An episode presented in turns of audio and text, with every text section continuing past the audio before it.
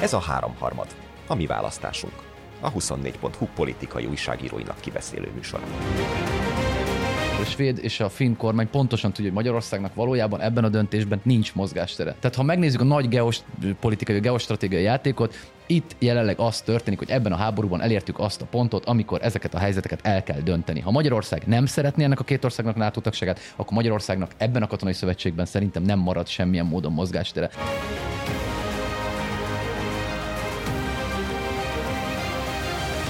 Tehát Kerner Zsolt és Pető Péter a mai háromharmadban, én pedig Vánszegi Rebeka vagyok. Mai témánk pedig az első az az lenne, hogy Svédországban és Finnországban járt egy vita delegáció Hende Csaba vezetésével, és ez alapvetően egy ilyen elég abszurd helyzetet eredményezett, hiszen elméletileg azért mentek ki vitázni, hogy meggyőzzék őket arról, hogy a finnek és a svédek csatlakozhatnak a NATO-hoz. Gyakorlatban nagyon hamar tiszteztek, hogy ők, ők is ezt szeretnék, viszont nagyon sok szó esett arról, hogy az viszont rosszul esik így unblock a kormánynak, hogy a svédek és a finnek a jogállamisággal szemben nem fogalmaznak meg hát pozitív véleményt Magyarországról. Lehet ezt külpolitikának tekinteni, vagy ez csak nekünk szólt itthonra ez a műsor? Szerintem kezdtem, mert utána egy alternatív véleményem lesz. Ez Honnan tudod? Mi van egyetértünk? Azt hiszem, az alapjában egyetértünk, de azzal kapcsolatban vették majd fel. Hát én alapvetően nyilván műsornak tartom. Egyébként egészen vicces műsornak ráadásul abból a szempontból, ugye, hogy a, a, a Fidesz összes megszólalása, amikor külpolitikai ügyekről beszélünk, lényegében egy nagyon hard realista alapon nyugszik, amelyben lényegében arról van szó, hogy a nemzeti érdekeket elsősorban egyébként főleg energia-gazdasági vonalon hogyan lehet érvényesíteni, majd egy ilyen kis érzelmi, érzelmi keretet kreálnak, hogy milyen rosszul esik nekünk, hogy, hogy mit mond Svédország és Finnország, aminek nyilván ennek az égvilágos semmi jelentősége nincs Magyarország geostratégiai pozíciójában, a stratégiai gondolkodásában. Tehát ez nyilván egy olyan műsor, aminek nincs jelentősége Magyarország meg fogja szavazni Svédország és Finnország NATO tagságát. Most már egyébként a NATO főtitkár újra felszólította a két érintett államot. Ugye most a, nyilván azért van még időmozgástere a magyar kormány, mert Törökország sem ö, ö, döntött még véglegesen, és addig lehet ezt a műsort játszani nyilván azoknak a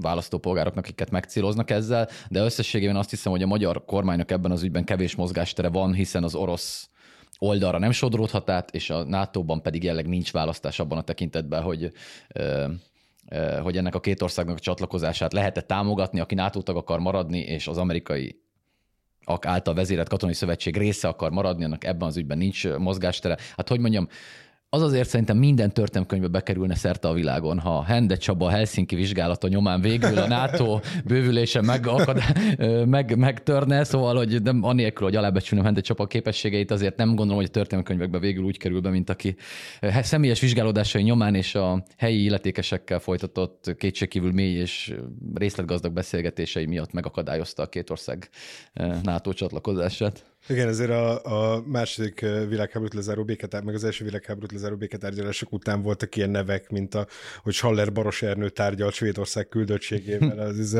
a katonai szövetségről, meg ilyenek. Uh, igen, én tökéletesen egyetértek ebben veled, és annyi kitételt tennék még hozzá, amellett, hogy szerintem is műsor alapvetően, és nagyon szórakoztató műsor, tehát szerintem ez vicces egyébként, hogy, hogy akkor most a, az objektíven is vicces, hogy akkor oda küldjük tényleg Hende Csabát, meg, meg Schaller Baros elnöt, és akkor a svédeknek kell magyarázkodniuk a Fidesz delegációjának a, a, arra, hogy ez milyen hely, mint Svédország, azt szerintem őrületes poén, de lehet egy, egy praktikus oka, amire jó is lehet bizonyos szempontból. A, Ebben az első fél évben, 2023-ban Svédország adja az Európai Unió soros elnökségét. Ez a gyakorlatban annyit jelent, hogy ők határozzák meg, hogy mik a prioritások, amiken dolgoznak, és milyen ügyek kerüljenek a kormányfők elé a, az ilyen uniós csúcs találkozókon. És amikor a svédek meghatározták a saját prioritásukat, most egyébként úgy van már, hogyha még ennyi részletet beleteltek, hogy nem fél évente rotálódik ez a soros elnökség, hogy ki az EU kvázi házigazdája, de már nem egyedül állnak, hanem ilyen triumvirátusokban dolgoznak, tehát hármas soros elnökségek működnek együtt. Ez a mostani hármasból, a, ha jól emlékszem, a záró elnökség, és ezeknek nagyjából van valami kontinuitása abban, hogy mit képzelnek el prioritásként, és mit akarnak megvalósítani az európai Unióban. A svédek az elején meghatározták a jogállamiság minél szigorúbb betartatását, ez ügyben pedig egy csomó mindent lehet egyébként tenni.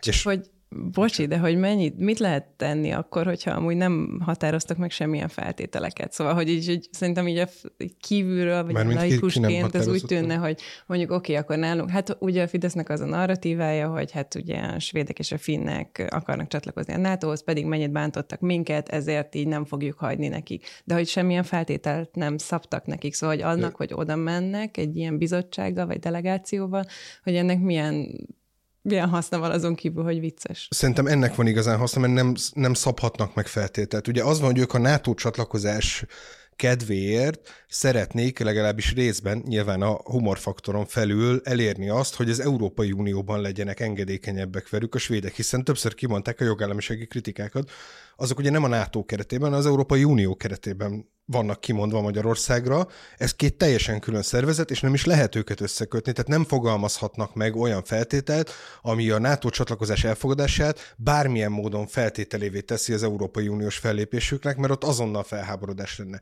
Ennek ellenére, ahogy a korábbi Európai Uniós tárgyalásoknál is volt, ott se lehetett volna összekötni ügyeket, és mégis össze lettek kötve ügyek. Tehát azzal, hogy itt nem mondott ki a pontos elvárásokat, azzal gyakorlatilag egy ilyen politikai nyomást gyakorolsz arra, hogy a te ki nem mondott elvárásaid szerint alakulhassanak a dolgok. Tehát mondjuk akkor, nem tudom, vegyétek hamarabb napirendre azt, hogy mi teljesítettük a kondicionalitási eljárásban vállalt ö, ö, feltételeket. Értem, nem azt mondom... teljesen nem értek egyet. Nem? Ez nem, nem egy nyomás szerintem. Tehát, hogy érted, mert hogy nincs mozgástere. A svéd és a finn kormány pontosan tudja, hogy Magyarországnak valójában ebben a döntésben nincs mozgástere. Tehát, ha megnézzük a nagy geopolitikai, geostratégiai játékot, itt jelenleg az történik, hogy ebben a háborúban elértük azt a pontot, amikor ezeket a helyzeteket el kell dönteni. Ha Magyarország nem szeretné ennek a két országnak NATO tagságát, akkor Magyarországnak ebben a katonai szövetségben szerintem nem marad semmilyen módon mozgástere. Ebben az értelemben itt valós döntési alternatívája nincs a magyar kormánynak. És ezt a svéd és a finn vezetés pontosan annyira tudja, Na ez a kérdés, hogy szerinted ezt pontosan annyira tudják-e, mint te? Mert azt ne el... viccelj, most el tudod, el tudod képzelni, hogy Magyarország miatt nem megáll a NATO bővítési folyamata? Et, nem. Azt hát, nem tudom, el tudom képzelni, de hogy tudom, holnap nem Magyarország, Magyarország problémái megsokasodnak ebben a szövetségben, abban én biztos vagyok. Ö, viszont azt is gondolom egyébként, én nem tudom elképzelni, de nem vagyok biztos benne, hogy a svédek és a finnek ugyanazzal a tudással rendelkeznek az Orbán kormány politikai realitásairól, és arról, hogy hogyan politizál Orbán Viktor, mint mi. Egy csomó mítosz van azzal kapcsolatban, hogy Orbán Viktor milyen érdekeket szolgál, hogyan politizál, hogyan akadályozza a közös működést. De itt mi a B döntés a magyar kormány? Tehát ahhoz, Azt, de ahhoz hogy a nyomás... De ők nyomás... nem tudják, hogy nincs, nincs olyan B-döntés, vagy nem biztos, hogy tudják, hogy nincs olyan hát, B-döntés, De hát most nem. annyira tudhatják, mint mi itt okoskodunk a stúdióban. Tehát ilyen szempontból ennyi biztos van. Tehát, hogy a magyar kormánynak te el tudod képzelni, hogy ebben a helyzetben van valós alternatív, hogy a mozgástér alapja, tehát bármilyen mozgástér és nyomásgyakorlási lehetőség alapja a politikában a két opció, Ugye, hiszen az egyikkel tudod zsarolni a másikat, vagy na, tehát, hogy azt a zsarolási potenciát megteremt, most a zsarolás az nyilván... a tény, hogy ennyi hónapon keresztül húzódik, az valamennyire végül is egy ilyen De hát itt a törökökről opció. van szó, tehát a Magyarország ezekben nem játékos. Tehát itt a, a Törökország ugye a NATO egyik kulcsállama, és a, már egyszer beszéltünk, hogy a török az egy nagyon érdekes ö, ö, pozíció, a török geostratégiai pozíció, ugye, ugye azért került a nato orosz fenyegetés miatt került lényegében a NATO-ban. Tehát ugye volt egy ez a török-orosz viszonyban, a törökök úgy tudták a biztonságpolitikai céljaikat garantálni, ha egy erős szövetséget kerestek az oroszokkal szemben, ezt adta meg az amerikaiak vezette uh, nyugati szövetségi rendszer, ám éppen ez adta meg a lehetőséget is, hogy javuljanak a kapcsolatai Oroszországgal, hiszen ez megjel, megadta azt a biztonsági garanciát, amivel támadhatatlanná vált az oroszok számára Törökország, és ez alakította a gondolkodásukat hosszú távon. Hogy ez most már hol tart, tart, az lehet, hogy egyébként történelmileg már átalakul, de ez volt a kiinduló pontja a történetnek. És itt a törökök a meghatározók, a NATO egyik legnagyobb haderejéről beszélünk, második, nagy, hads, második legnagyobb haderejéről, hogy Zsolt erről több részletet tud majd, ha ebbe belemerünk nyilván mondani, de hogy, hogy ebben az értelemben Magyarországnak addig van itt bármilyen idő játékra lehetősége, amíg a törökök nyitva hagyják ezt a kérdést. Abban pillanatban, hogy törökök bezárják, ez a játék véget ér. Ugye részben ezt nem tudjuk, hogy a törökök mennyik hagyják nyitva. Ugye Törökországban jól emlékszem, április végén lesz a választás ott most van egy ilyen egészen sajátos lehetőség arra, hogy akár le is váltsák Erdoánt, az Egyesült Török ellenzék, ugyan nem erre fogadnék, és nem ez a valószínű. Az is szellemes egyébként, csak bocs, hogy egy záróját közbe vettek, hogy sikerült a, azt a jelöltet kiválasztani a török ellenzéknek, a, akinek minden mérés szerint a legalacsonyabb a, az esélye egy hát, Erdogan elleni egy az egyes meccsbe, de mindegy, ez tanulságos példa, sok más hasonló rendszerben működik. Így, így utólag azt mondod, hogy ez igen, így, igen. így utólag hasonló példa? Na bocs. A, amikor az előválasztáson a harmadik legnépszerűbb jelöltet sikerül választani. Úgyhogy a második lép vissza javára. Ja, vicces persze, de, na, de hogy ez, egyrészt azt akarom mondani, hogy egyáltalán nem biztos, hogy Oroszország ezt le fogja zárni, vagy Törökország ezt le fogja zárni a választásokig, és az, hogy milyen a választások után, ez meg megint egy kérdés és hogy utána egy újabb felhatalmazás birtokában le akarja ezt zárni Törökország egyáltalán. Tehát nem tudod kiszámolni feltétlenül az egyébként magas tétekkel játszó Erdoğan pontos lépéseit. Ebből a szempontból nem tudhatod valójában azt, hogy a magyarok meddig tudják húzni az időt. Ugye ameddig a törökök ezt nem mondják de, de ki, tudjuk, hogy... szerintem ameddig a törökök. Na igen, de hogy azt nem... nem belátható, nem meghatározható. Itt ugye pont. nem Orbán Viktor szemszögéből kell a B opciót meghatározni, hanem Recep Erdogánnak a, a szemszögéből kell meghatározni, aki egy sokkal jelentősebb játékos ebben a játékban. És hogyha ő tovább húz, tudja húzni az időt, akkor Magyarország is tovább Igen. tudja húzni az időt. Tehát ebből a szempontból van B opció, a B opció nyilván nem az, De magyarul nincs jelentőség, hogy a magyarokat meggyőzöd Érted? Szóval, hogy, hogy én azt állítom, hogy a magyar mozgástér ebben valójában nem létezik, és nekem egyébként, hogy őszinte legyek, a küldöttség összetételt is, ha megnézed, valójában az atlantista német Zsolt és EP képviselők voltak igen, a igen. küldöttségnek a tagjai. Én sokkal inkább azt gondolom, hogy az e, a válaszod első részéhez kapcsolódva, hogy inkább egy ilyen új nyitás De ez van ugye... valójában a felszín alatt sem, mint ez egy ilyen feszítő játék lett volna. Ez egy műsor, mondom még, egy televíziós használatra készült, illetve egyperces videóbevágásokra készült produkció, amelynek keretében Hande Csaba elmondhatja, hogy felszólította Svédországot és Finnországot, hogy jövőben tartózkodjon Magyarország sértegetésétől. Jellemző egyébként, hogy a ide vonatkozó újságcikkek a, a kormányközeli sajtóban egy ilyen stratégiai kérdés, ami az egész, hogy mondjam, a katonai szövetség jövőjét meghatározó alapvető kérdés terjeszkedik Skandináv fele, ez a két országnak egyébként. Milyen, azzal érvelnek, hogy mit írt az egyik svéd labban egy újságíró Magyarországról. Tehát egyszerűen olyan kabarisztikus keretbe helyezik ezt az egész. Hát nem csak ezzel érvelnek egyébként, hanem a, mit tudom én, a, a számi népesség jogainak igen, igen, ez is. védelméről írt Bájer Zsolt egy cikket, amit nem láttam jönni ezt a mondatot eleve. De hogy erre még annyit reagálnék egyébként, hogy beszéltünk sokat arról, hogy ha az Orbáni 12 évnek van bármilyen haszna, az az, hogy Magyarországon nagyjából mindenkit, akit érdekel a politika, ránevelt arra, hogy hogyan működik az erőpolitikája, és hogyan működik a hatalompolitika a gyakorlatban. Ez az északi tagállamokban nem feltétlenül van így. Hogyha olvastad azoknak a, a cikkeknek a minőségét, ugye szemléket tudunk olvasni, hiszen amennyire tudom, egyikünk sem beszél svédül vagy finnül, ami súlyos hiányosságunk, hát, de... Nyelvcsaládban egy, szóval lehet, hogy félig meddig meg. De lehet, hogyha ha máshogy olvasod, akkor ugyanolyan szavak, de mást jelentenek. Visszafele. És, de hogyha ezeket a szemléket láttad, akkor én nem láttam bennük azért annyira határozott logikai felépítés, mint azt a, a magyar ö, elemző ö, újságcikkekben szoktam látni. Tehát én nem vagyok benne biztos, hogy a hatalompolitikát ilyen szinten értik, és át is gondolják, egy csomó kultúrának nem része ez. Mert nem, ö, nem a hatalomtechnikai játékot játszott végig fejben, hanem a morális elvárásokat és a norma elvárásokat. De most ne állítsd, hogy a svéd állami vezetés ül otthon, és azon gondolkodik, hogy hú, most ezek a hendélyek itt azért mit fognak keménykedni. Hát nem, hát, nem a hendély nyilván, nem, a Orbánon. Nem gondolom. Tehát, hogy azért, tehát a NATO vezetői szerintem a főtitkártól az amerikai kormányzatig pontosan tudják, mi történik, és nem gondolom, hogy nem osztják meg ismereteiket a Orbáni hatalom gyakorlás részleteiről a finn és a svéd ország vezetésével. Vagy a NATO igen, ebben sem vagyok teljesen biztos egyébként, bár valószínűleg annyit mondanak, hogy igen, Magyarország el fogja fogadni, és szerintem is el fogja fogadni, és szerintem is a nagy része műsor. Én csak azt mondom, hogy ennek járulékos haszna lehet, egy enyhe nyomás arra, hogy a svédek nekünk valamennyire kedvezőbben alakítsák a május végéig tartó soros elnökségi időszakot nagyjából egybeesik a, ez a soros elnökségi időszak azzal, amivel az én tippem szerint el fogjuk fogadni ezt az izet. Tehát én szerintem ezt azért még húzni fogják egy ideig. Szerintem a, akkorák jelenleg a nyomások, és akkorák a tétek a háborúban, hogy ezek egyszer már nem létező nyomásgyakorlás. Nő, és mit, mit, tehát, hogy mit, akkor B opciókról beszélünk, mi történik akkor, ha nem fogadják el ö, csak április végén?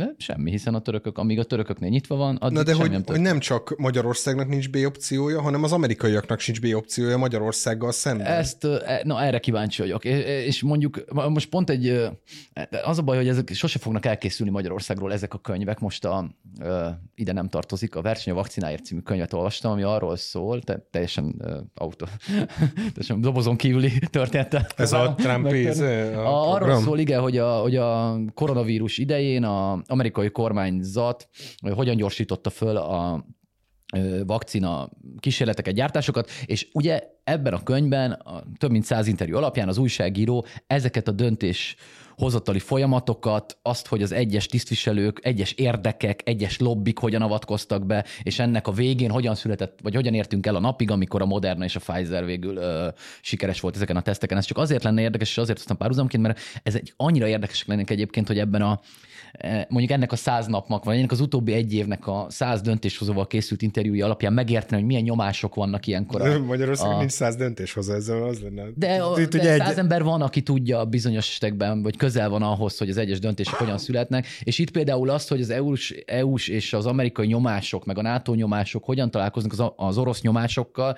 és ebben milyen kormányzati mozgásterek vannak, ezt nagyon érdekes lenne megérteni, mert mert mondom, szerintem egyszerűen akkora téteknél tart a háború, és annyira, annyira szűk már a mozgástere minden olyan országnak, minden országnak egyébként, a fegyverszállításhoz tartozó döntésektől a, a, a az ukránok támogatásának mikéntjén át az oroszokhoz való viszonyig a párbeszéd szintjének fenntartások, tehát hogy melyik szintig tartják fenn a párbeszédet és a, és a kapcsolatokat. Szerintem ezek most már olyan élesek és akkorák a tétek, hogy itt azoknak a játékoknak, amelyekről ebben a műsorban sokat beszéltünk egyébként, és amit az Európai Unióval békeidőben el lehet bohockodni, és százszor hülyére lehet venni a annyira impotens, és tényleg a hatalompolitikát még semmi módon nem értő nyugat-európai politikusokat, hogy, hogy azok, mint ezt a fajta hatalompolitikát nem, nem olvasó, vagy, vagy, vagy százszor ugyanabba a csapdába belelépő politikusokat, hogy azok itt egyszerűen itt véget érnek szerintem ezek a típusú uh, politikai játékok. Tehát itt egyszerűen a tétek akkorák, amikben ezeknek már nincs jelentősége,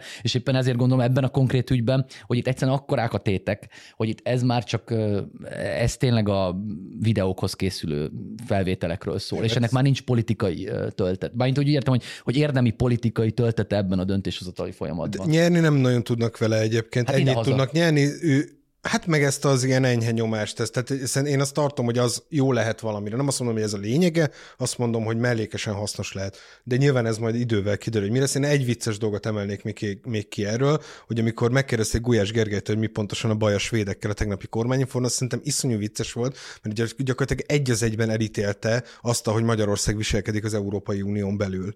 Tehát megkérdezték, hogy mi a baj, és akkor elkezdtem mondani, hogy egy egy szövetségesi rendszeren belül egyszer nem mondunk rosszat. A másikról nincs az, hogy az, akkor ne legyünk tagjai annak a szövetségesi rendszernek, hogyha mi mást akarunk csinálni, ha belépünk egy szövetségi rendszerbe, akkor el kell fogadnunk annak az alapértékét, és levezette hosszan azt, hogy Ó, oh, kiöntöttem közben a kávét.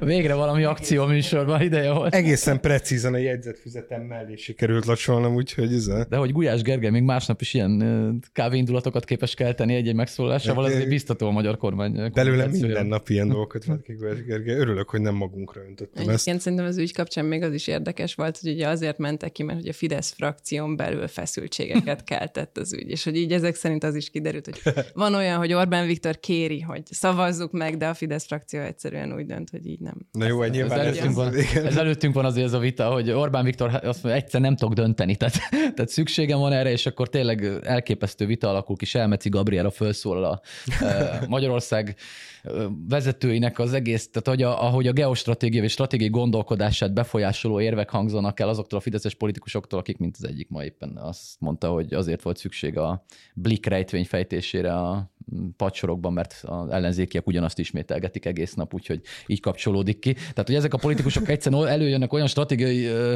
alapvetésekkel, amik alapjaiba változtatják meg Orbán Viktor gondolkodását a világról, én ezt teljesen életszerűnek tartom, úgyhogy tényleg izgatottan várom, hogy ez a vita végül hova fog ki, kifutni. A másik része egyébként az, hogy viszont akkor mi, mi, mit jelent a műsor, ugye azért azért nagyon fontos, hogy ugye a Fidesz politikájának alapja, persze minden hatalmon lévő párt politikájának alapja, de semmi Fideszes nincs, ugye az, hogy megtartsa azt a választói tömeget, ami, amire szükség a választásokon, és persze az ő történetüknek egy nagyon fontos része minden alkalommal, hogy Magyarország egy szuverén ország, amely több tiszteletet érdemel, amely megvédi magát a nyugati, nem tudom, elnyomó, bunkó, sértegető mondásoktól, és nem lehet vele többé úgy bánni, mint a kapcarongyal, és akkor ennek érdekében ugye történik ez, hogy szó sem lehet arról, hogy mások kérésére mi automatikusan megszavazunk valamilyen tagságokat, hanem maga Hende Csaba, korábbi miniszter, tárcavezető, polgári körök, tehát egy igazi nehézsúlyú. Akit ugye ha minden igaz, a sajtóhírek szerint azért váltottak le, mert nem volt elégedett a haderőreforma Orbán Viktor, hát tehát igen, már ebből is a B embert. Egy, egy ilyen igazi nehézsúlyú politikus vezetésével men, megy ki egy delegáció, és amennyiben ők rendben találják, és meg tudják, képesek lesznek megnyugtatni a frakció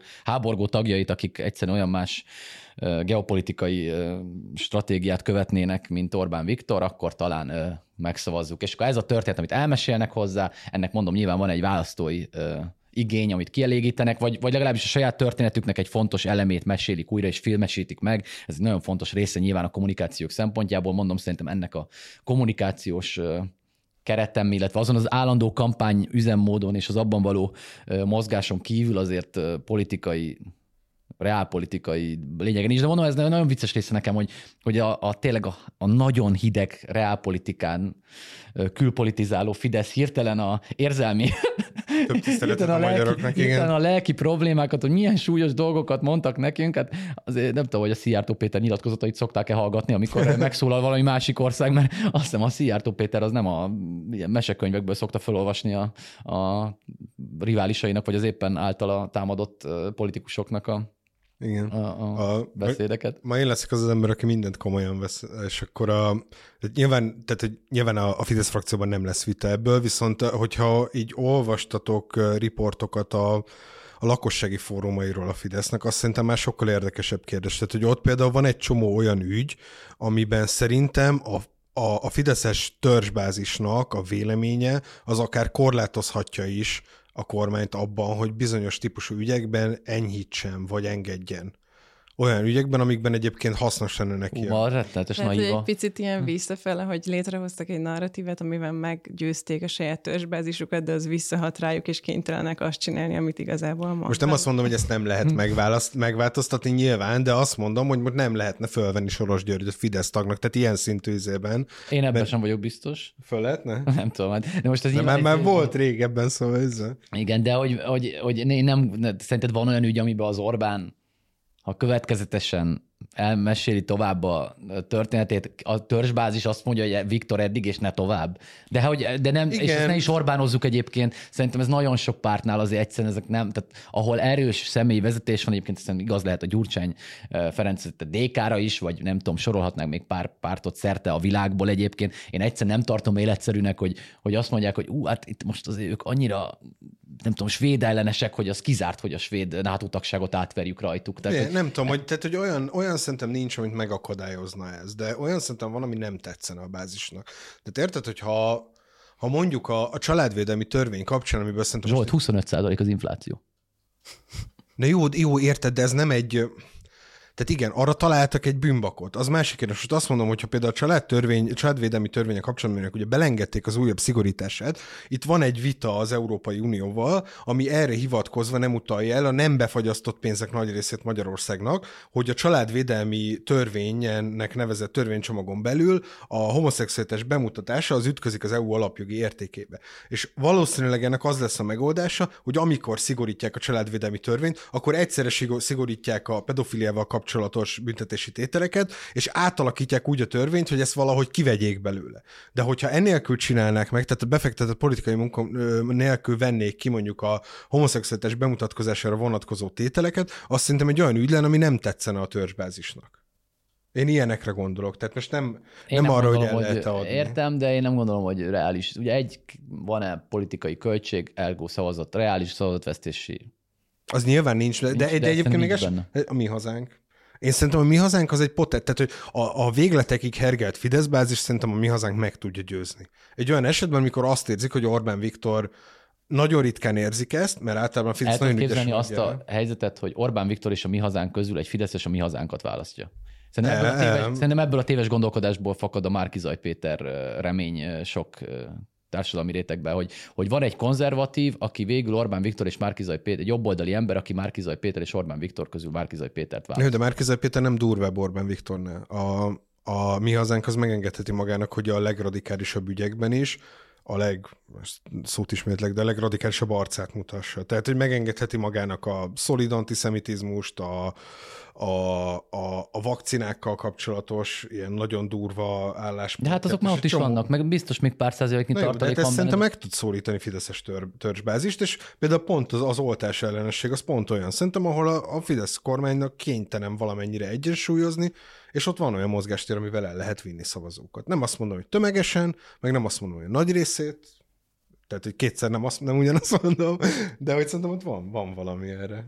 Én, aki 12 év után, aki a Fidesz mellett van, és amíg van Orbán Viktor, és amíg nincs olyan meg, én azt gondolom, hogy megélhetési válság, amit én nem pontosan értek egyébként, hogy hogyan képesek menedzselni a választó táboruk megtartását 25%-os infláció mellett, de erről nyilván a politikai ellensúly hiányában lehet csak beszélni, mert ezt azt ilyen megélhetési válságnál nyomás mellett azért kisebbnek kéne lenni a bázisuknak. Tehát, hogy szerintem abba, addig én nem látom abban semmilyen veszélyt rájuk, hogy a külpolitikai mozgásuk okozna problémát a, a, a választói közösségükben.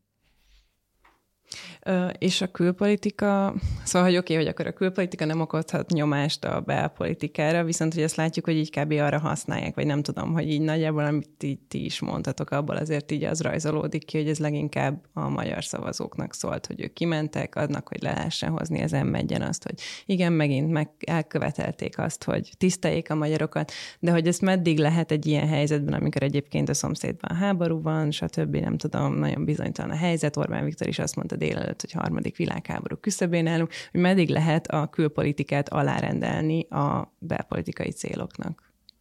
Ö, hát 12 évig biztosan. Tehát, hogy a, szerintem... De az... most csak van egy ilyen forduló. Ne, ne, nem, nincs, szer- nincs. nem, ez szerintem konzekvens a, ez, ez viszonylag konzekvensen a, a, a, a második Orbán kormány, tehát 2010 óta ez a, a, a gyakorlatilag a külpolitika az legalább részben alá van rendelve a belpolitikának, és nagyon sok esetben írtam is erről egy cikket, ami, ha jól emlékszem, akkor erről szólt nagy részt, hogy a, a ez a mennyire jó az, beszéltünk előtte arról, Peti, hogy mennyire jó az emlékezetünk úgy általában, de hogy azt hiszem, hogy pont erről szólt az a cikk, hogy a nagy részt egyébként a régi szövetségesi kapcsolatainkat, azokat belpolitikai aktualitások oltárán áldozta föl, hogyha szabad ilyen szóképzavarral élnem a Fidesz kormány. Tehát, hogy a, ez, ez lett a Visegrádi négyekből is, ez lett a, a, a, az Európai Néppártból is, az Európai Unióval való viszonyunkkal is ez lett. Igen, csak szerintem most nem a Fidesz viselkedése változott, hanem hogy a helyzet. Tehát, hogy én arra gondoltam, hogy most egy váltás van, hogy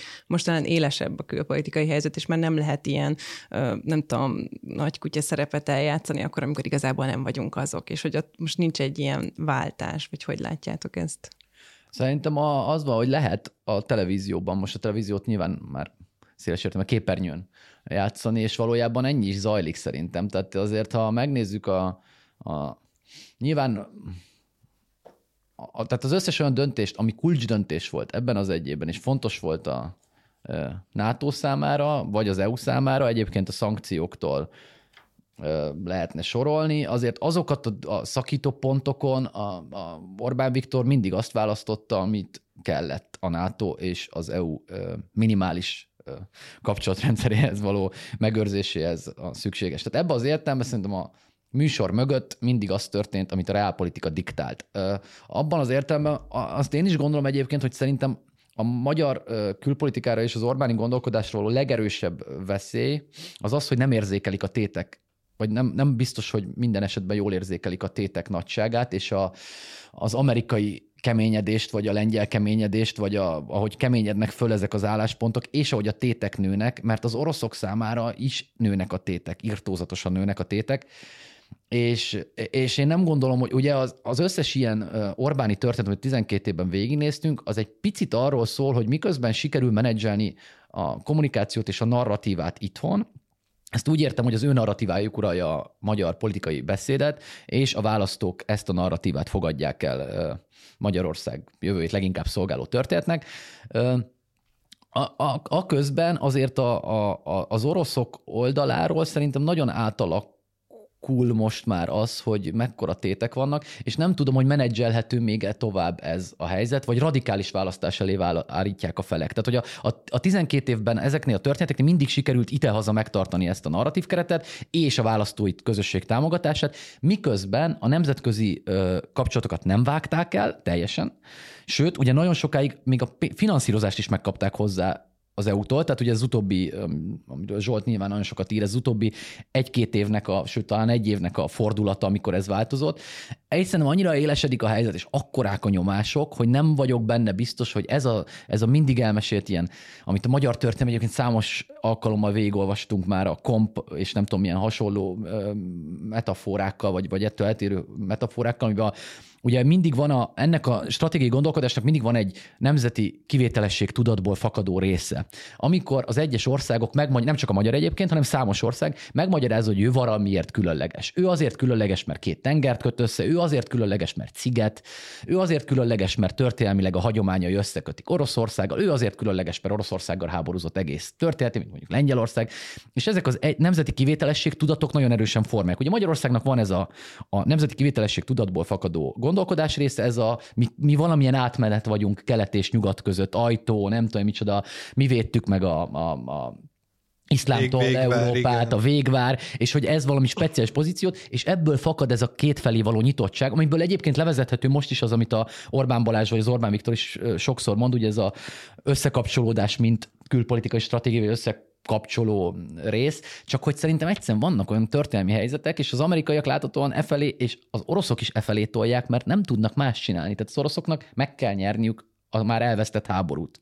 Mert úgy értem, hogy hosszú távon elvesztették, valamit nyerniük kell, hogy, hogy ezt otthon elmeséljék, viszont a nyugat meg nem engedheti meg, és ez egy olyan satú, amiben én nem nagyon látom, hogy már hogyan lehetne manőverezni ezekkel, a, ezekkel az játékokkal, hogy mi nyitva vagyunk erre, arra, mert, mert, mert Finnországnak meg Lengyelországnak az a kérdés, és itt a Jászberényi Sándor volt egyébként az első kézből podcastban a 24-en a minap, és ajánlom mindenkinek, hogy nézzem, a Pál Zsombora beszélgetett, és ő mondja, hogy azt a kérdést, ha fölteszi a nap végén valaki magának, hogy szeretné Oroszországot a szomszédjának. Ha erre a kérdésre tud válaszolni, akkor szerintem az egy nagyon erősen segíti, hogy valójában milyen stratégiai célok. Erre egyébként Orbán válaszol is, csak, tehát hogy er, direktben kimond, az évértékelő beszédében, a parlament előtt elmondott beszédében szó szerint azt mondta, hogy nem szeretnénk Oroszországot Magyarország szomszédának. Szeretnénk, hogyha kettőnk között lenne valami terület, és Orbán, hogy elegánsan úgy fogalmazott, hogy nevezzük ezt Ukrajnának. legyen, ez, legyen ez a dolog Ukrajna. De ugye ez egy világos beszéd ebből a szempontból, tehát erre, erre választod erre az alapkérdésre. Igen. És a... Uh, fú, szóval szerintem igen, alapvetően egyetértek benne. Szerintem azt érdemes legelőször kimondani ezzel kapcsolatban, hogy Orbán Viktor is pontosan tisztában van vele, hogy Magyarország valódi értékét ebben a régióban az adja, hogy tagja az Európai Uniónak és a NATO-nak, és ezekről ő nem szeretne nem mondani. Azt, amit a Peti elmondott, hogy mondunk magunkról, Kompország, kapu Európa és Ázsia között végvár, ez nem csak mi mondjuk el magunkról, hanem a régió jelentős számú másik országa is. Én ugye a, a szerb ilyen nem tudom kultúrához kötődöm még valamennyire, ott is megvan ugyanez az életérzés. Talán egy fokkal jogosabban is, hiszen a, a Rigómező, egy Koszovópolja is oda tartozik részben, meg Nándorfehérvár, vagyis Belgrád is oda tartozik, tehát hogy akár végvárként is könnyebben tudják eladni magukat ezzel kapcsolatban.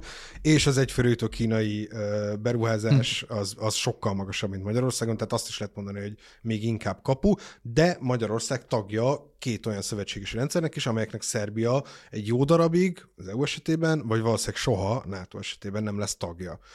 És ez iszonyú komparatív előnyt ad nekünk bármelyik másik ugyanezt állító régióval szemben. Erre az Orbán kormány nem szeretne lemondani. Szerintem ez az oka mögött is, hogy hiába mondja azt Orbán Viktor, hogy nem szeretne az EU-ban maradni, esély sincs arra, hogy Orbán Viktor kivigye Magyarországot az EU-ból. Én erre tényleg nem látok nulla esélyt, majd ha kimentünk az EU-ból, akkor vissza lehet nekem játszani ezt a felvételt. De először az életi mindig. Pauz, pauz állítani. Igen. Hülyék vagyunk benne. de, de hogy szerintem ezt, ezt ő is érti bizonyos szempontból megváltozott valóban a világ. Pont az Iván Krastev, aki egyébként általában is nagyon okos dolgokat mond a régióról, ő mondta azt, hogy az a kapcsolat, meg a libikókázás, amit Orbán Viktor kelet és nyugat között csinált, az eddig gazdasági alapokon volt, mindenki elfogadta, hogy pénzt lehet ezzel keresni, és ezért tolerálták is. Viszont ez a gazdasági alap, ez nemzetbiztonsági alapra tevődött. Tehát uh-huh. csomó esetben kevésbé fogják ezt tolerálni, pont azért, mert azok a felek, akik között közvetít, kölcsönösen azt gondolják egymásról, hogy biztos, nemzetbiztonsági kockázatot jelentenek a másikra.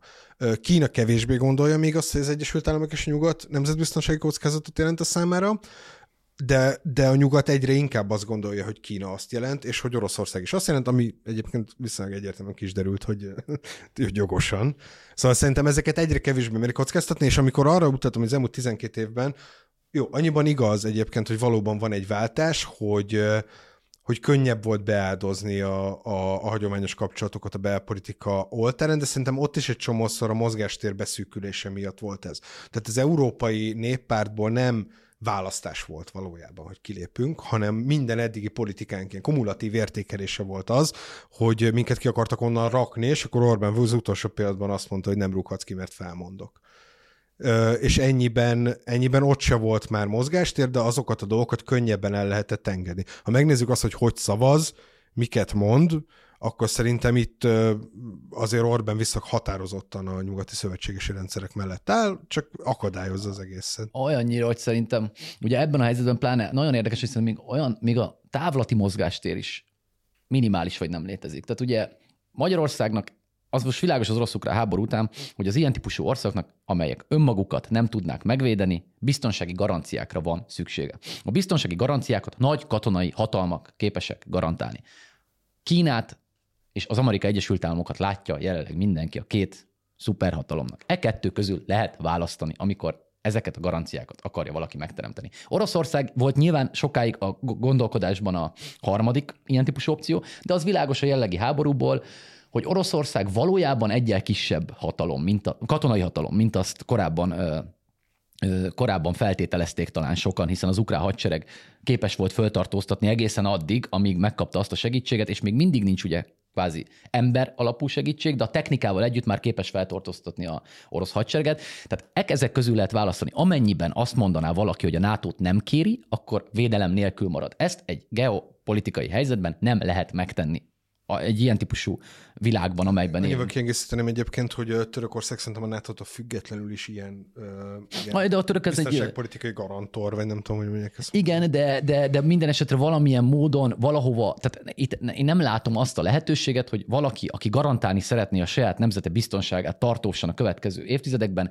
képes lenne ezt valamelyik nagy katonai hatalom hoz való szoros szövetsége nélkül megtenni. Ha pedig ezeknek az egyikére szükség van, akkor ezek a választások. És én azt nem látom, hogy bármilyen módon lehetséges lenne, akár gondolkodás szinten is ezt elszakítani a nyugati szövetségi rendszertől Magyarországon. Amennyiben igen, az én azt gondolom, hogy ahogy mondjam, az országnak egy olyan, olyan jövőtlenség és olyan súlyos, ilyen sötét holnapja, de mondom, én ennek nem látom jelenleg realitását, szóval, hogy, hogy ebben az értelemben szerintem ezért van az, hogy, hogy itt valójában nem valós mozgásterekről beszélünk, hanem, hanem pillanatnyi helyzetek menedzseléséről és, és a hazai választóknak való elmesélésétől, és nem az egész geostratégiának az újragondolásáról van itt szó szerintem. Már csak azért is, mert Kína valójában nem alternatíva. E, igen, ráadásul. Tehát, igen. hogy a kínaiak nagyon befelé fordulnak minden biztonságpolitikai kérdésben. Az ő egy... Kína eleve sokkal konzervatív, amikor háborúk indításáról és külföldi katonai szerepvállalásról van szó, mint mondjuk az Egyesült Államok akár. Az egyetlen, éppen ezért van, hogy az egyetlen ilyen, nyilván van, tehát Indiával is vannak ilyen összecsapásai, de azok ott az, az, azért azt senki nem gondolja, hogy India és Kína háborúzni fog egymással. Taiwan ugye az egyetlen, ami, uh, ahol ez esélyes, de Taiwan Kína a belügyének tartja. Tehát, hogy ők azt gondolják, hogy az a terület, ahol ugyan a, a, a kínai kommunista párt soha nem volt uralmon, uh, hanem a, a a nagy polgárháború után a másik oldal menekült ki, ők azt gondolják, hogy ez mégis Kínához tartozik, Taiwan meg azt gondolja, hogy nem tartozik Kínához, de ők ezt belügyként kezelik, nem külügyként. És ezért a kínaiak egy, fokkal hitelesebben is mondják azt, hogy ők nem vállalnak külföldön szerepet, és szerintem ez oda is csapott nekik a, a kínai-orosz kapcsolatoknak, amikor az oroszok ezt mégis megtették. Az oroszok egyébként szintén nem a saját moralitásra épülő külpolitikájukból vállaltak külföldön szerepet, hanem azt a közel-külföldet, ami a Szovjetuniónak az érdekzónája volt, azt próbálják így egyben tartani, hogy valamennyire garantálni a biztonságát ezzel a,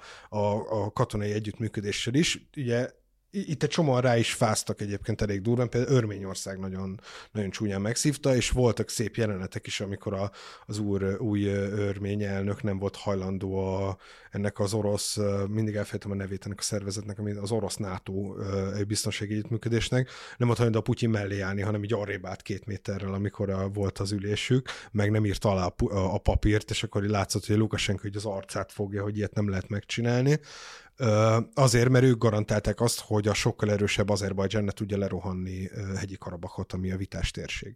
És, és látszik, hogy amint az oroszok elindították ezt a táborút, és látszott, hogy az oroszok jóval gyengébbek, mint eddig gondolta bárki, azután az azeriek, akiket egyébként a törökök támogatnak, el is indítottak újra a támadásokat, és most is blokkád alatt van a, a, az egyetlen út, ami bevezet hegyi Karabakba.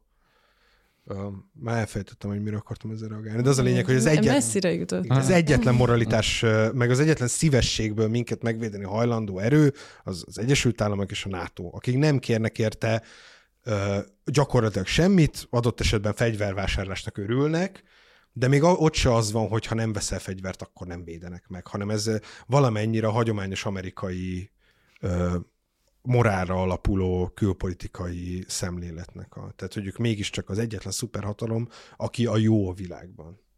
Nem azt mondom, hogy ez így van, azt mondom, hogy ezt gondolják.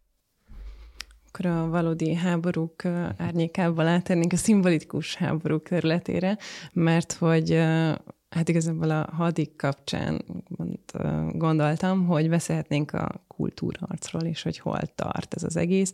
Ugye az utóbbi, nem tudom, két-három évben, nem tudom, az Aranybullától kezdve a Petőfi filmig, ami még nem érkezett meg, de a helységkalapácsa, a blokkád, akár az elkurtokat is idehozhatjuk, hogy ezek mind olyan filmek, amik valamit elmesélnek a közelmúlt, vagy inkább a régmúlt magyar történelmének politikai eseményeiről, és új hősöket alakítanak ki, amik véletlenül nagyon illeszkednek a NER és a Fidesz narratívája, ba, és hogy a kérdés az, hogy miért éri meg a Fidesznek, hogy egy ilyen filmes univerzumot épít, amikor úgy tűnik, hogy ez sokkal nagyobb költség, és mint mondjuk a megafon, szóval, hogy mit céloz, kire céloz? Hát ez nagyon érdekes, szerintem az egész soft power ezeknek a puha hatalomgyakorlási eszközöknek a tára, amit egyébként a világ összes országa valamilyen módon alkalmaz még úgy is, hogy nem is biztos, hogy mindegyikkel tisztában vagyunk, hogy ennek stratégiai célja van, vagy nem is biztos, hogy mindegyiken nagyon tervezetten, de ez zajlik. És azért, hát világosan ugye az egy nagyon egyszerű dolog, hogy a popkultúra azért a legmenőbb dolog a, a világon, és a legkönnyebben a popkultúrán keresztül lehet valójában értékkészleteket befolyásolni, vagy kialakítani, vagy viszonyulásokat kialakítani bizonyos helyzetekhez. Tehát ugye nem véletlen, hogy ezzel párhuzamosan ugye a, a leginkább támadott Fidesz oldalról, vagy a leginkább támadott ilyen popkulturális viszonyrendszer, az például a Netflix és a LMBTQ-hoz fűződő témakör, amelyben meg ugye azt állítják, hogy a Netflixen olyan számban kerülnek föl sorozatok és válnak elérhetővé, amelyben akár a transzneműek, akár a különböző homoszexuális viszonyok túl vannak így az indoklás túl vannak reprezentálva, vagy felül vannak reprezentálva, és ezzel a fiatalok számára olyan életmód, stílusokat vagy modelleket állítanak, amelyeket követni szeretnének. Most ez nagyjából a logika. És hát azért azt ne felejtsük, azért ez így kész, tehát tényleg ezért készül meg filmek nagyon sok esetben a világ számos pontján, hogy valamilyen értékeket elmeséljenek. És azok az értékek, ugye kettő viszonyrendszer lehet hozzá egy hatalomnak, vagy elutasítja ezeket az értékeket, vagy örül ezek értékeknek a ö, terjesztésnek. Tehát Hollywood és a szuperhős filmek, azért az, pont a Zsolt befejező mondatához kapcsolódva, hogy az Amerika az egyetlen szuperhatalom, ami egyébként a jó szuperhatalom, tehát a jó oldalon áll, mert a szabadság nevében küzd szerte a világon, azt azért a hollywoodi filmek sokasága képes elmesélni popkultúránban nagyon más eszközrendszerrel, és közvetlen politikai ö, ilyen hard nyomás nélkül, mint amit mondjuk a Megafon jelent, hogy beleolvassa valaki a kamerába, hogy ennyi, ennyi, Gyurcsány Ferenc és Soros György, és nem tudom micsoda. Tehát ezeket ugye közvetlenül nem kell megjelent ezekbe a filmekbe, ezek, ezek a filmek arra szolgálnak, hogy ilyen puhán viszonyokat, viszonyrendszereket alakítsanak, viszonyulásokat próbáljanak befolyásolni. Tehát, hogy például te rendszerváltást hogy értsd a blokkádnál mondjuk, vagy a 2006-ot hogy értsd, az elkurtuknál, vagy a hadiknál magyar hősiességet hogy értsd. Igen, szerintem még ennél is mélyebb. Egyébként a Joseph Nye, aki magát a software fogalmat kitalálta, Igen. ő azt mondta, mondta erre, hogy az a legjobb propaganda, ami nem propaganda. Igen. Tehát ugye ennyire finoman, és szerintem is ez a, ezek a dolgok alapvetően alapvetően arról szólnak, azt szándékoznak elmondani, hogy mi mit gondolunk saját magunkról, és hogy mások mit gondoljanak saját magunkról, ami nem egy magyar sajátosság, ez szerintem minden országban megvan. Viszont vannak érdekes dolgok. Tehát érted, elmondhatjuk, hogy mi egy ilyen fifikás nemzet vagyunk, ravaszak, ami, amiben egyébként van is valami, mert érted, megnézed Orbán Viktort, megnézed, hogy ez az ember hogy politizál, akkor igen, azt fogod mondani, hogy ezek a, ezek a, ezek a magyaroknak ezeknek kérges a tenyere, de ravaszak, és az Orbán minden egyes beszédében azt mondja magáról, hogy ravaszok vagyunk, nem fognak minket átverni, nem a moralitás alapján, hanem a saját érdekünkben cselekedünk. Szerintem ez egy valid soft power üzenet, az kérdés, hogy ez kívülről menőnek nézze ki. A software power alapvetően az a probléma, hogy nem nagyon van olyan ország, amelyiknek ezt állami vagy kormányzati indítatásra sikerült volna uh-huh. megcsinálnia, főleg úgy, hogy nem volt korábban birodalom. Ahol erre államilag rá tudtak erősíteni, az Egyesült Államok, Nagy-Britannia, Franciaország arra, hogy ezeknek az országoknak erős legyen az üzenete és a kulturális üzenet, amit elmondjanak magukról, azoknak jelentős gyarmati birodalma volt. És még akkor se feltétlenül sikerül, mert a legtöbb esetben magáncégek és alulról építkező dolgok tudják ezt megtenni. Például Japánban, pont a cseteltünk erről, pont írtam, hogy most fejeztem be a Matt Altnak a Pure Invention című iszonyú jó könyvét arra, hogy hogyan lett Japán egy technológiailag és aztán popkulturálisan is meghatározó szereplő a világban a másik világháborútól kezdve. És a japán üzenet is kifejezetten az, hogy ezt alulról építkezően a japán társadalomból a tehetség és bizonyos karakterjegyek emelték ki, és tették ilyenni egy csomó amatőr és, és egyéni emberen keresztül, de amikor a japán kormány erre megpróbált ráépíteni, ideig nem ütel egyébként a könyv, de hogy volt a, egy iszonyú mennyiségű alap, ahol a, nem tudom, cool Japánt akarták reklámozni, akkor az volt, hogy ez totális csőd volt. Tehát, hogy ez nem mhm. érti az állam általában, hogy miért működik a soft power, és az is csődbe ment még egy olyan sikeres szereplőnél is, mint Japán, akinek egyébként van birodalmi múltja, tehát hogy ők akár érthetnék is ezt. És ott van például az, amit enne példaként hoztam még szinte korábban a chatben, hogy olyan országoknak van jelentős soft power hatalma, akikre nem is gondolnánk, Svédország például. De az mi? Az makos. Az IKEA. Ja. Minden egyes háztartás a világon ugyanúgy néz ki. A 80-as években bementél valahova, és Magyarországon ugyanúgy néztek ki a lakások, mint egyféle dolgot lehetett venni. De máshogy néztek ki a lakások uh, Nizsnyi Novgorodban, uh, Budapesten, uh, New Yorkban és Dél-Amerikában. Jellemző Dél-Amerikai az esemben egy várost nem tudtam mondani belőle, de hogy máshogy néztek ki a lakások. És az IKEA-nak olyan brutális soft power hatalma van, hogy a világon majdnem mindenhol elkezdtek ugyanúgy kinézni a lakások és a benne lévő tárgyak. Ugyanaz az esztétika, ugyanaz az alapvető minimalizmusra lehetőleg kevés díszítésre épülő ö, berendezés legyen mindenhol. Ez iszonyatos erő. De ez miért gondolod ja, és... software hatalomnak, vagy ez Svédországnak a software hatalom? Mert azokat, a, és nem csak ez, hanem a másik a joga, ami, ami ugye a svéd tornára alapszik mm. nagy rész, csak utána wow. fölvette egy másik másik soft powernek, a, a gyakorlatilag ennek az ennek meg a Ezt nem tudom, hogy joga svéd cucc. Majdnem teljesen. A, a, van egy, ha sokat van, foglalkoztam volna a jogával. Most nyilván ez, ez, nem tudom, hogy a, a joga szerintem valószínűleg ugyanolyan veszélyes terep lehet, mint a, Igen, nem a Fideszről beszélni, de hogy vannak ilyen tök jó joga történetek arról, hogy egyébként a, mozgás nagy rész az megegyezik. Azt most szólok, hogy neked kell elmenni egy órára, ha utána bántanak minket, hogy valami teljes téves joga. Én elmegyek egy joga órára, azt videóra is veszik, az biztos, úgyhogy... Ja, szóval hogy ez is egy ilyen tök meghatározó dolog, és ugye azért soft power, mert azokat az értékeket közvetíted, amiket a te államod és a te kulturális közeget fontosnak tart. Csak szerintem itt tök érdekes különbség, akkor lehet, hogy akkor a fideszes filmeket nem lehet soft powernek hívni, hogy ez inkább külföldre szól. Szóval ez inkább arról szól, hogy egy reklám a saját országodról, amit elviszem máshova, hogy így gondoljanak mások róla. Is. Hát biztos, hogy maguk is, de hogy de a nem, hogy a nerd filmek az csak rólunk szól. Szóval hát annak abszolút. nincsen olyan célja, hogy hogyha elmegy valaki, és a világ egy de, másik de, de, pont, az, de pont azt mondja, de szerintem a, a, a puha hatalom, és ugye ez is a rész, hogy ugye pont azt mondja, hogy van egy, vannak nemzedékek, amelyek a globális szórakoztatóipar és egyébként az ilyen típusú globális soft power erők miatt egy más értékskálán, más értéklogikán nőnek föl. Tehát ha Netflix filmeket nézel, akkor más értékkészletet kapsz, mint amit ezek képesek. És ők azt mondják, hogy ezzel ellensúlyozzák, tehát fölépítjük a saját történetünket magunkról. Ugye a jellemző mondatuk az, hogy nem mások meséljék, nem mások meséljék el a mi történeteinket, ugye, tehát hogy mi mondjuk el a saját történeteinket, és hogyha... Mi egyébként egy olyan mondat, mint te mondtad volna. Egyébként. Hát remélem, remélem én mondtam meg. Egyébként ez most mondja. Én ezt szeretem, hogy van egy ilyen afrikai közmondás is, hogy, hogy elfelejtettem. Nem mondod, hogy elfelejtetted. De. Na mindegy, de sajnos lett ez. Elkaptam az oroszlános, ugye? Igen, az, az, az nagyon Én sem emlékszem, nem pedig. Na mindegy.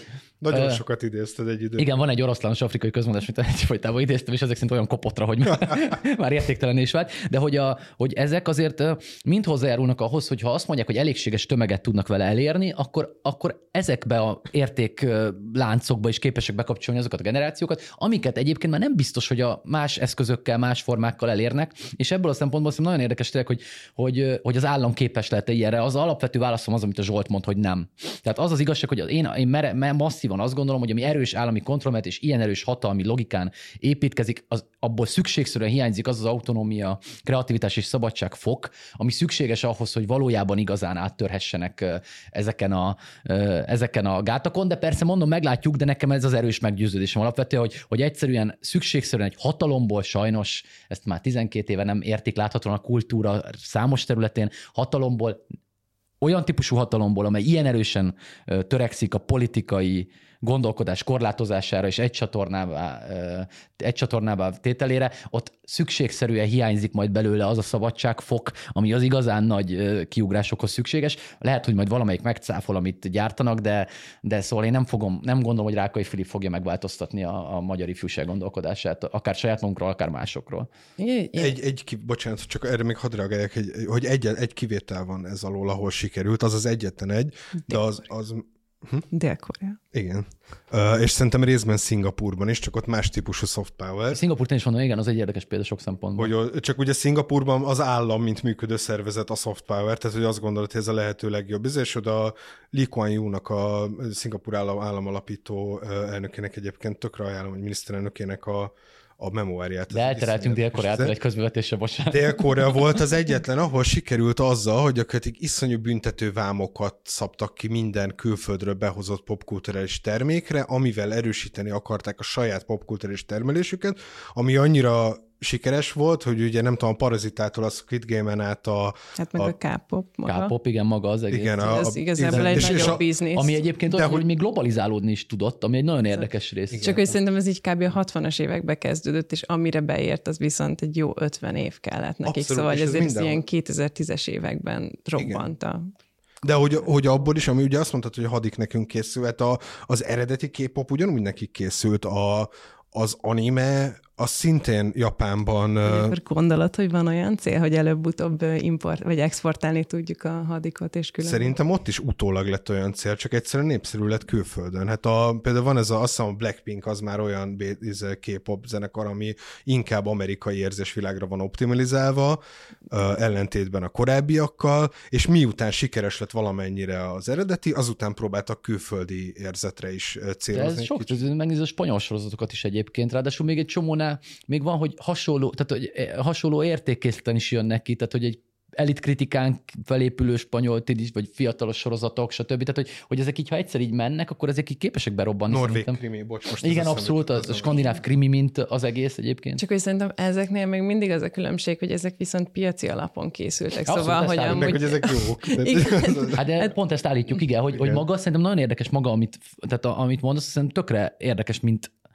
jelenség, és azt mondtuk pont, hogy szerintünk igen, ez a korlátja, hogy államból szerintünk ezt nem lehet. Vagy legalábbis jól értem, hogy Szerintem, a, gondolja. szerintem a, minden egyes kutatás arra mutat, hogy a dél is egy ilyen óriási mázli volt kb. és hogy valójában nem csak ettől függött, hanem a, önmagában a tehetségtől és ezer millió dolog összejött ahhoz, hogy ez sikerüljön. Ugyanúgy, ahogy a korábban egyszer még azt hiszem az élő felvételünkön beszéltünk a Middle Income Trap nevű csapdáról, hogy a közepes fejlettségi országok hogy tudnak gazdagok lenni, az is Dél-Koreának fog sikerülni először. Tehát mo- most már ott vannak egyébként, hogy már majdnem sikerült, bár Japán még mindig jóval gazdagabb, de hogy ott is kivétel lesz gyakorlatilag, és egy csomó ilyen kivétel van, a, ami, ami azt mondja, hogy Dél-Koreának mindennek ellenére sikerült. Egyébként a, már csak azért sokkal nehezebb a, az irodalom, meg a film, meg ezek a területek nekik, mert azt közvetlenül kontrollálni kell. Tehát a, ugye a puha hatalom gyakorlások egy másik nagyon fontos rész, például a sport, amit, amit egyébként azért ö, sikeresebbek abban az értelemben, hogy nyilván most nem a ellopott pénz mennyiségéről beszélek, hanem arról, hogy a, a magyar válogatott fölé, kö- körül,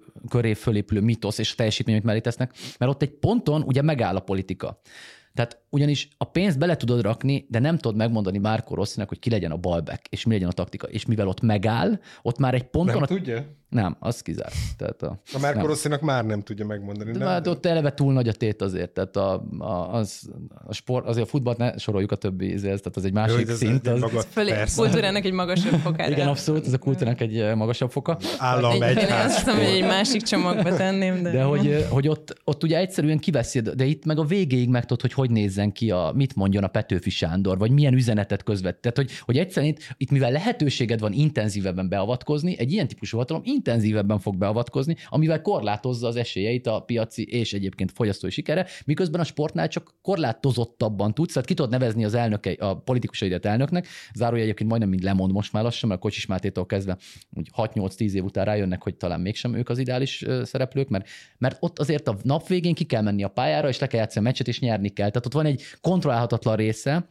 és a politikának meg a hatalomnak ugye amíg van kontrollja, addig érvényesíti. Tehát ez főleg egy ilyen rendszerben ezt látjuk, és a filmnél, vagy a irodalomnál itt látszik, hogy nagyon sokáig van, főleg a filmnél, ahol, ahol ugye nélküle nincs ekkora befektetés, tehát itt ugye milliárdokról beszélünk. Tehát, hogy, és ha ennyi pénzt beletesz, akkor a legvégsőkig képes kontrollálni, hogy, hogy mit mondjon, mi legyen benne, stb. És ennek nyomán meg, ha ilyen közvetlenül hard módon lesz, akkor ez én, én nem tudom elképzelni, hogy hasonló sikerességű legyen, mint olyanok, amik tényleg a szabad gondolaton építkeznek, de ez már nyilván az, hogy mit gondolunk a világról, meg a szabadságról. Van egyébként olyan része, azt szerintem valamennyire működik, a, hogy ugye minden, minden ilyen politikai rendszernek kb. van egy saját esztétikája, nem csak a városokban, országokban, hanem magának a rendszernek is. Hogyha mondjuk megnézel, viszek sok ilyen, ilyen videónyersanyagot nézek, meg képet nézek ilyen külföldi izékről, és hogyha meglátsz egy képet a, a Kapitóliumról, a Kremlből, az ö, európai ö, intézményekből,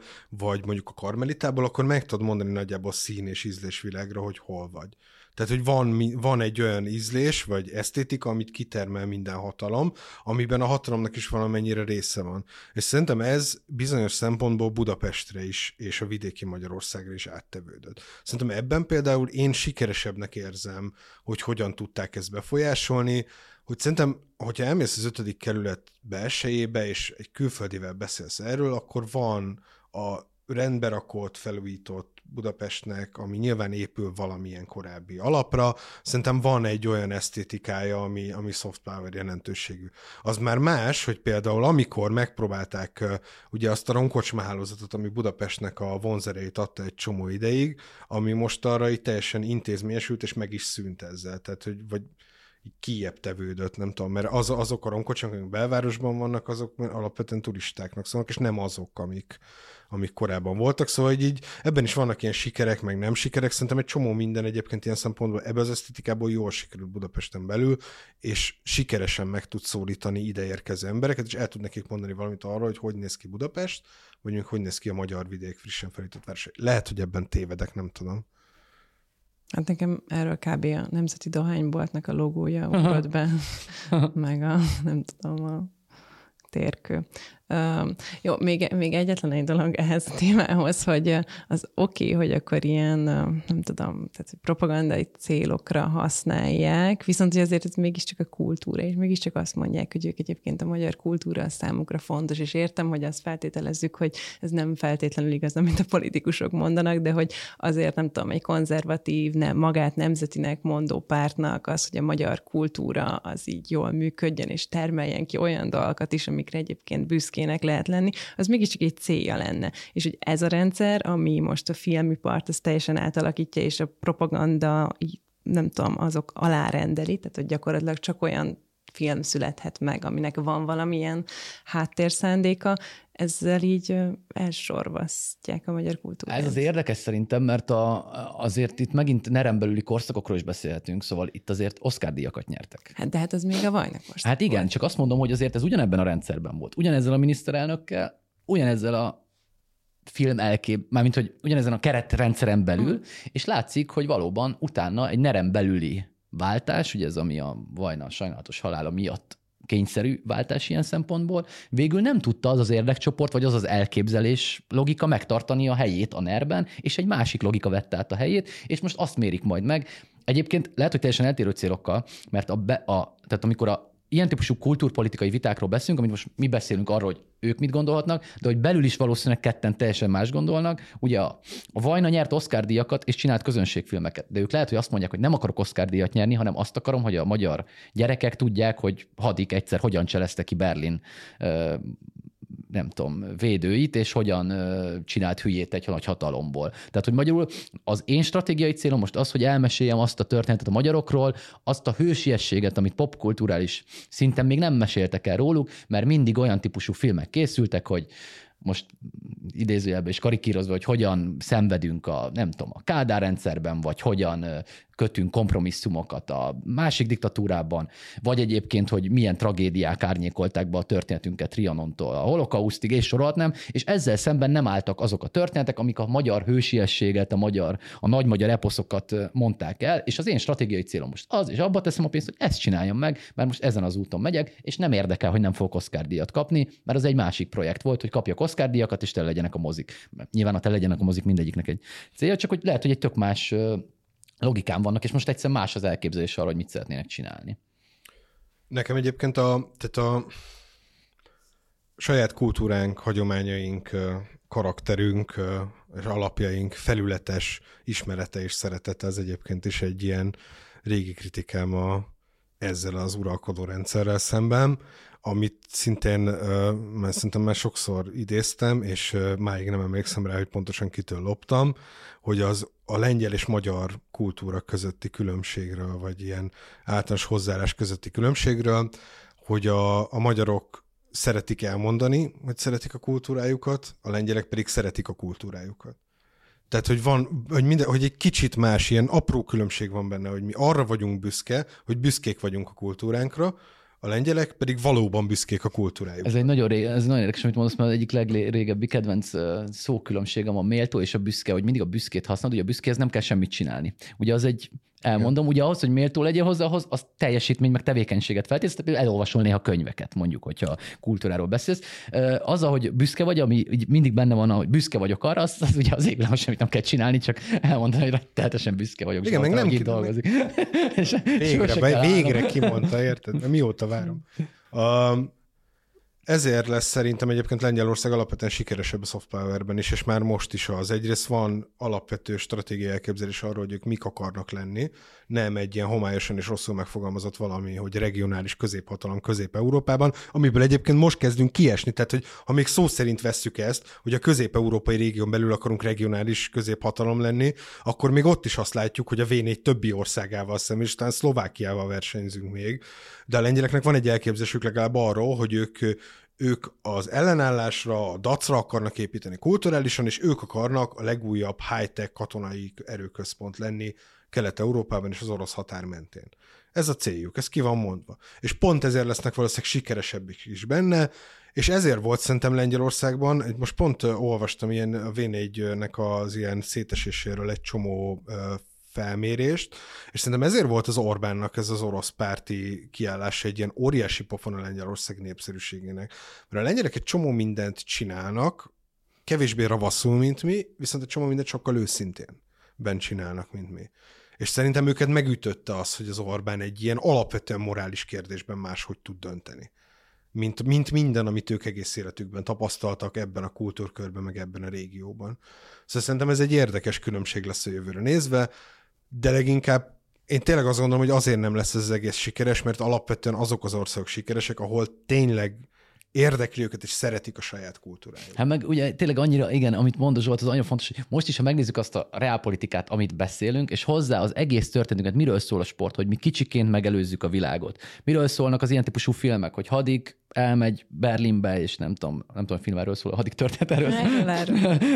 Tehát nem látta a filmet. De hogy, a Berlint. Igen, igen. Tehát, hogy, Meg sarcolja.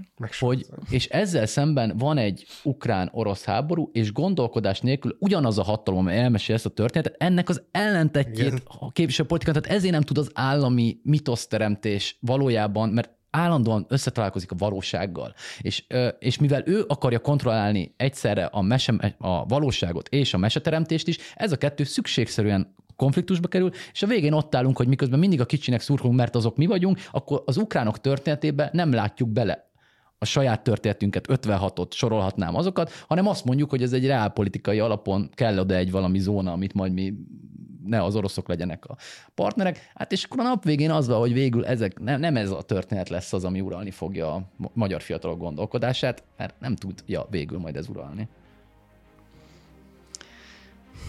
Hát akkor köszönöm szépen a Nem, ez egy kicsit, kicsit elszomorító volt ez a végszó, de igen, köszönjük figyelmet.